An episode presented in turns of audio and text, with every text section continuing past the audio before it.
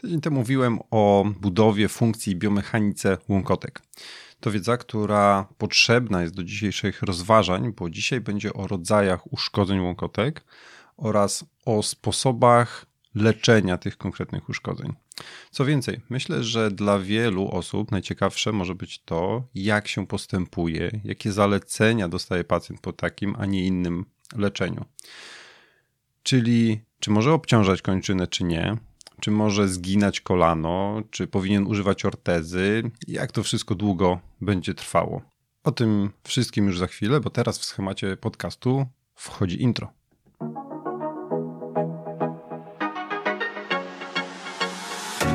Witam Cię bardzo serdecznie w 20 odcinku podcastu Ortopedia Moja Pasja. Ja nazywam się Michał Drwięga, jestem ortopedą, a w podcaście omawiam problemy ortopedyczne, pokazuję jak pracuję, czym kieruję się proponując konkretny sposób leczenia oraz jakie są jego alternatywy i możliwe powikłania. Jeśli interesujesz się ortopedią, szukasz rozwiązania swojego problemu po urazie lub uczysz się ortopedii, koniecznie wysłuchaj tej audycji.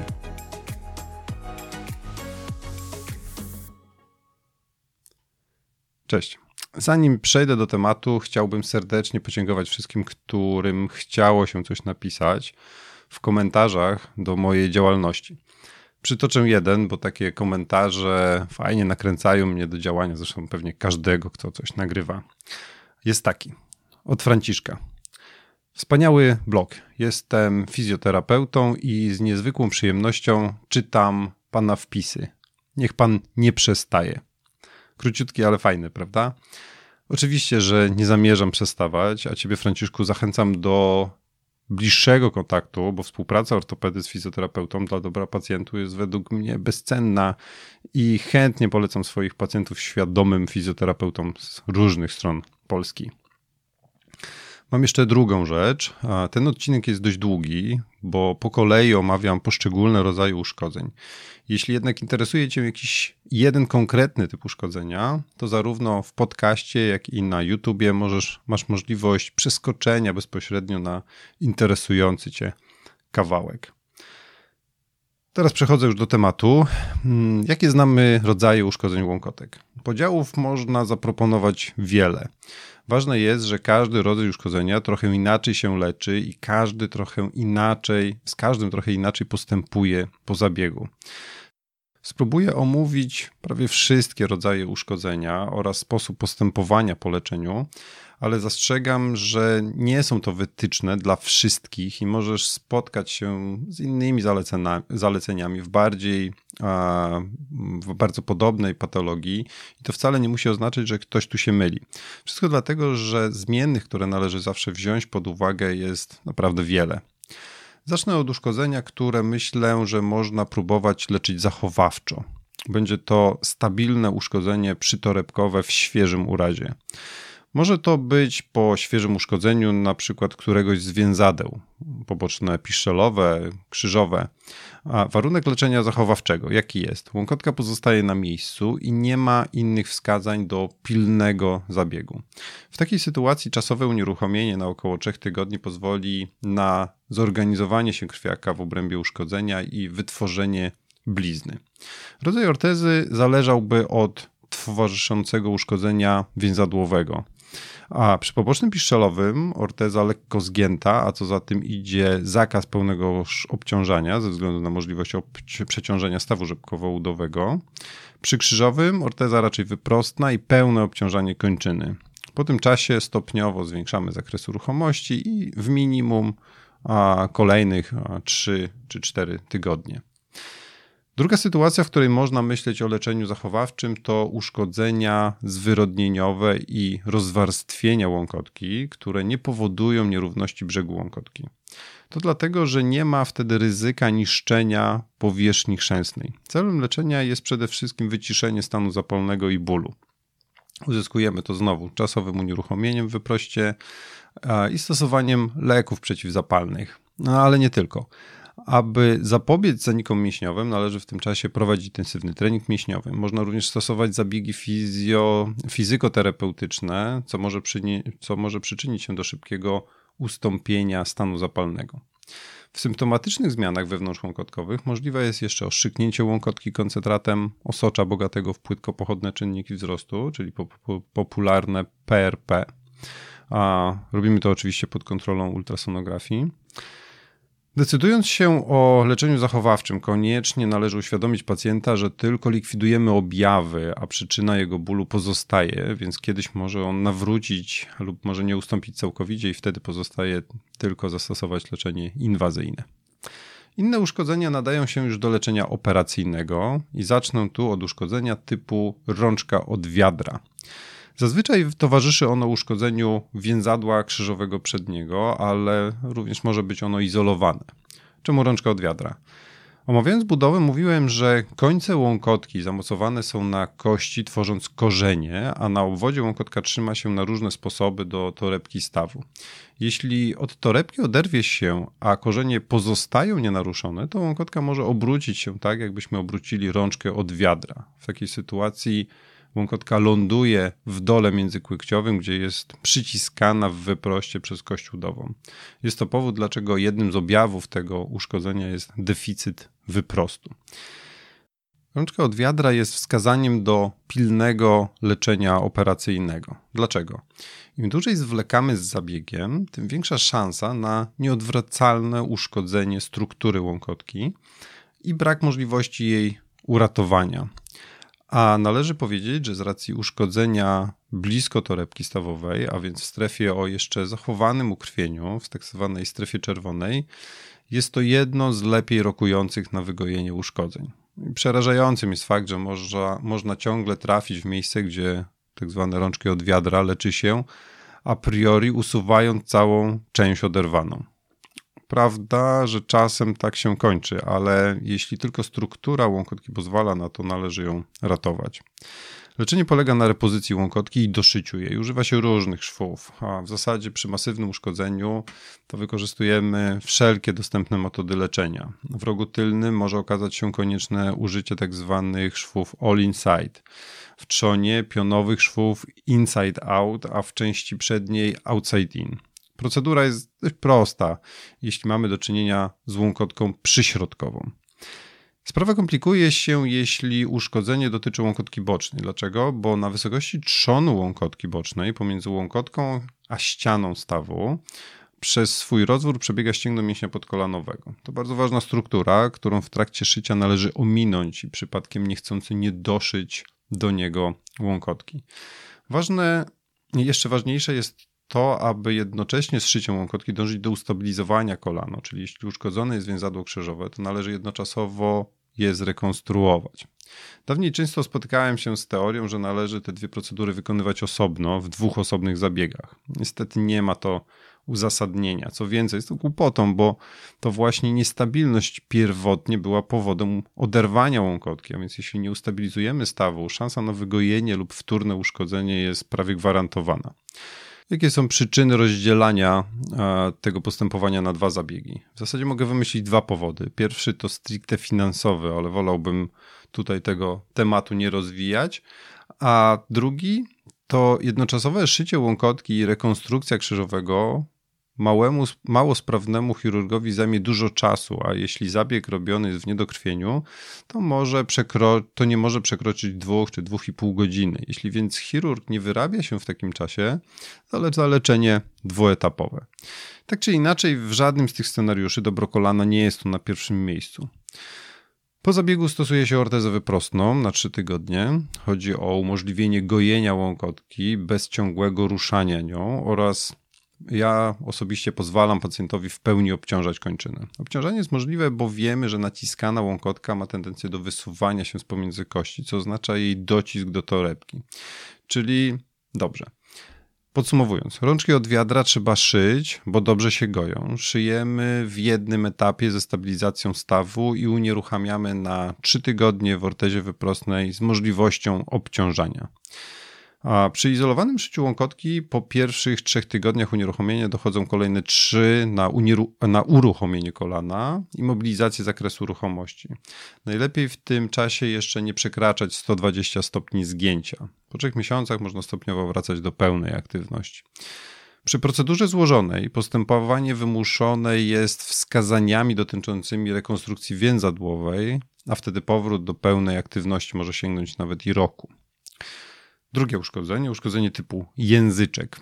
To chyba jedno z najprzyjemniejszych uszkodzeń do leczenia, zarówno dla chirurga, jak i przede wszystkim dla pacjenta. I chociaż znowu mówimy o leczeniu operacyjnym, to zaletą tego uszkodzenia jest bardzo szybkie postępowanie pooperacyjne. Na czym to polega?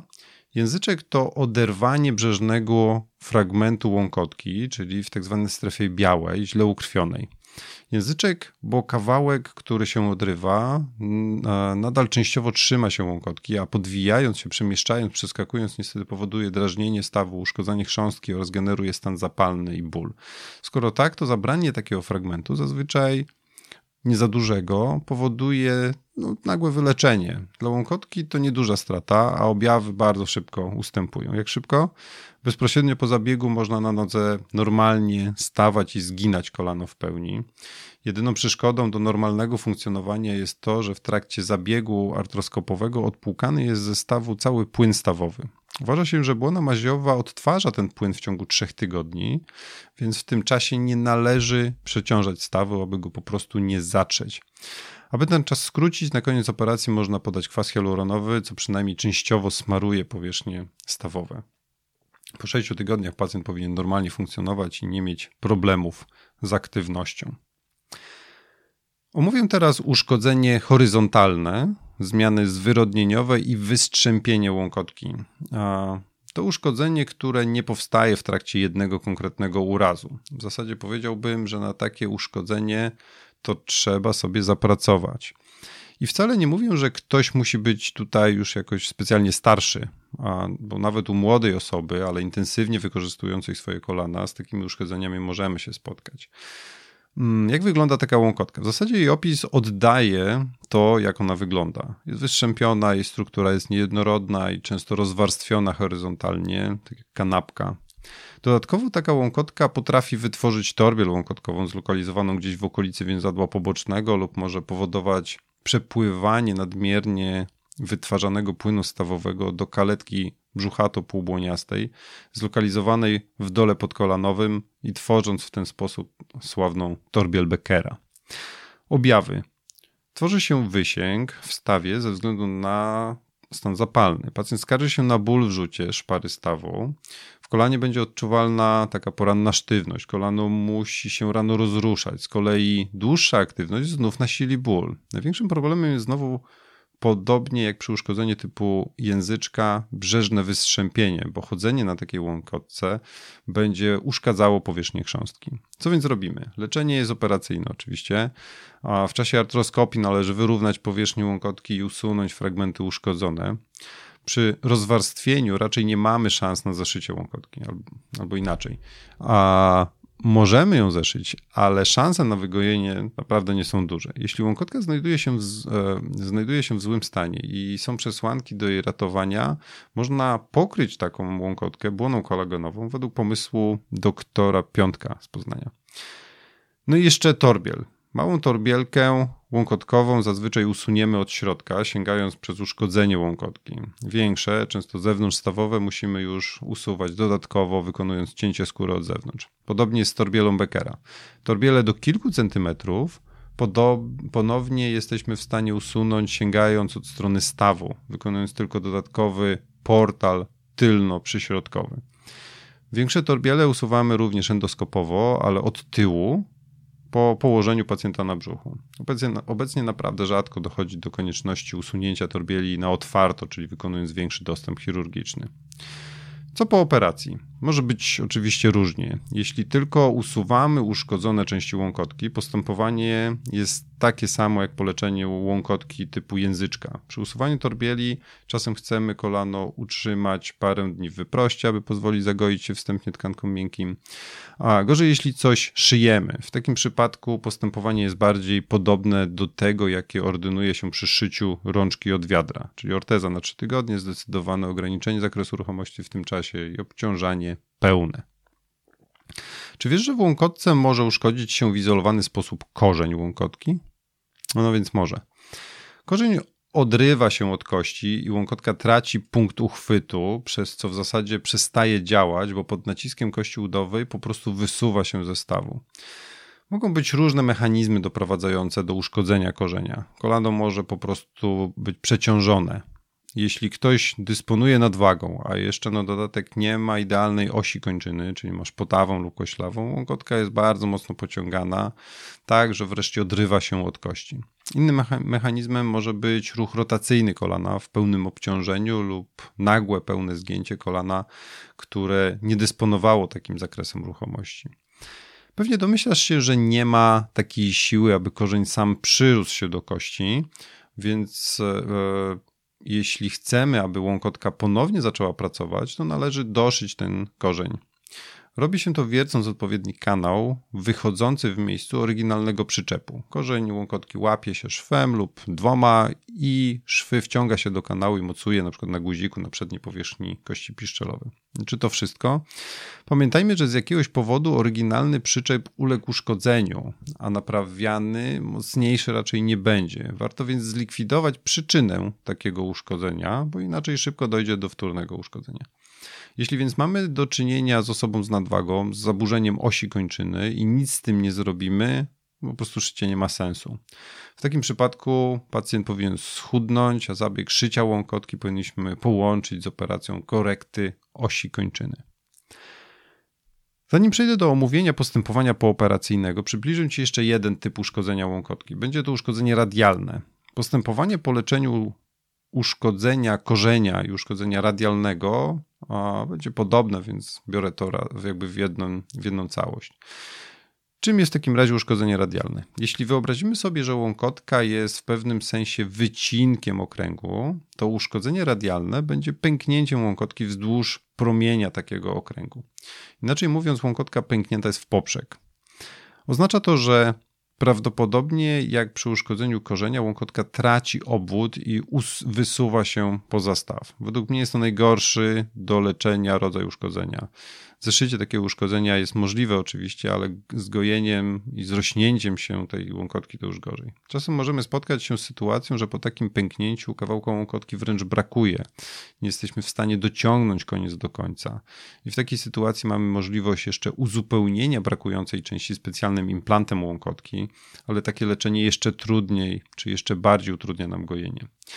Jak już powiedziałem, zalecenia pooperacyjne po uszkodzeniu korzenia i uszkodzeniu radialnym są podobne. Przede wszystkim nie wolno stawać na nodze, aby nie wytwarzać siły rozciągającej w miejscu szycia. I taki zakaz obciążania trwa minimum 6 tygodni. mogłoby się wydawać, że to strasznie długo, a, ale tak naprawdę to jest bardzo krótko. Myślę, że idealnie byłoby nawet 12 tygodni, aby dać szansę na przebudowę gojonej tkance. Ale jak powiedzieć pacjentowi, że nie wolno mu stawać na nodze przez 3 miesiące? Mniej wykonalne w ogóle. Zaleca się w takim razie zakaz obciążania przez 6 tygodni, a potem stopniowe przejście do pełnego obciążenia w kolejnych kilka, na przykład przez 3. Jeśli chodzi o zakres ruchomości, to możemy tu spotkać się z różnymi teoriami. Jedni, jedni unieruchamiają całkowicie na różne okresy czasu, inni pozwalają ruszać. Wydaje się, że w przypadku szycia korzenia ruchy bierne do maksymalnie 90 stopni bez obciążania kończyny nie powinny być problemem. Korzeń zazwyczaj przykrywa wiercony kanał i gojenie jest od spodu. Gorzej jest przy szyciu uszkodzenia radialnego. Wyobrażam sobie to tak, że w miejscu naszego szycia zbiera się krwiaczek, który stopniowo tworzy bliznę i potem przebudowuje się stopniowo w tkankę łąkotki. Wypadałoby więc, aby ten krwiaczek nie został od razu wypłukany, a tak może się stać, jeśli od razu zaczniemy ruszać kolanem. Tak więc w przypadku szycia korze uszkodzeń radialnych, moim zaleceniem jest unieruchomienie kolana w lekkim zgięciu na 3 tygodnie. Ostatni rodzaj uszkodzenia, który chcę omówić, to ramp lesion. To uszkodzenie nazwę otrzymało stosunkowo niedawno, stąd może nie ma dobrej nazwy polskiej na razie. Jest to uszkodzenie podłużne, przytorebkowe w okolicy rogu tylnego łąkotki przyśrodkowej. Uszkodzenie, które przy standardowo przeprowadzonej artroskopii może nie zostać zauważone. Aby sprawdzić, czy takiego uszkodzenia nie ma, należy wprowadzić artroskop do przedziału tylnego przez dół międzykłykciowy. I niby nie jest to jakieś wielkie halo, no ale szczerze mówiąc, mało kto to robi. Jeśli już uda nam się zdiagnozować takie uszkodzenie, to powinniśmy je zeszyć. I tu znowu szycie nie jest standardowe. Potrzebne jest wykonanie dodatkowego portalu tylno-przyśrodkowego i założenie szwu przy pomocy specjalnego szydła o kształcie takiego świńskiego ogonka. Ostatecznie charakter tego uszkodzenia można porównać do uszkodzenia typu rączka od wiadra, bo oba te uszkodzenia to uszkodzenia podłużne, przytorebkowe, a skoro tak, to postępowanie po szyciu takiego uszkodzenia będzie również podobne. Nie przychodzi mi do głowy już inne uszkodzenie, ale może coś ważnego pominąłem. Jeśli tak, to napisz proszę w komentarzu. Będziemy mogli podyskutować i wyjaśnić temat. Kończąc, dziękuję Ci za wspólnie spędzony czas i życzę wielu udanych, zdrowych i bezpiecznych aktywności sportowych. Do usłyszenia.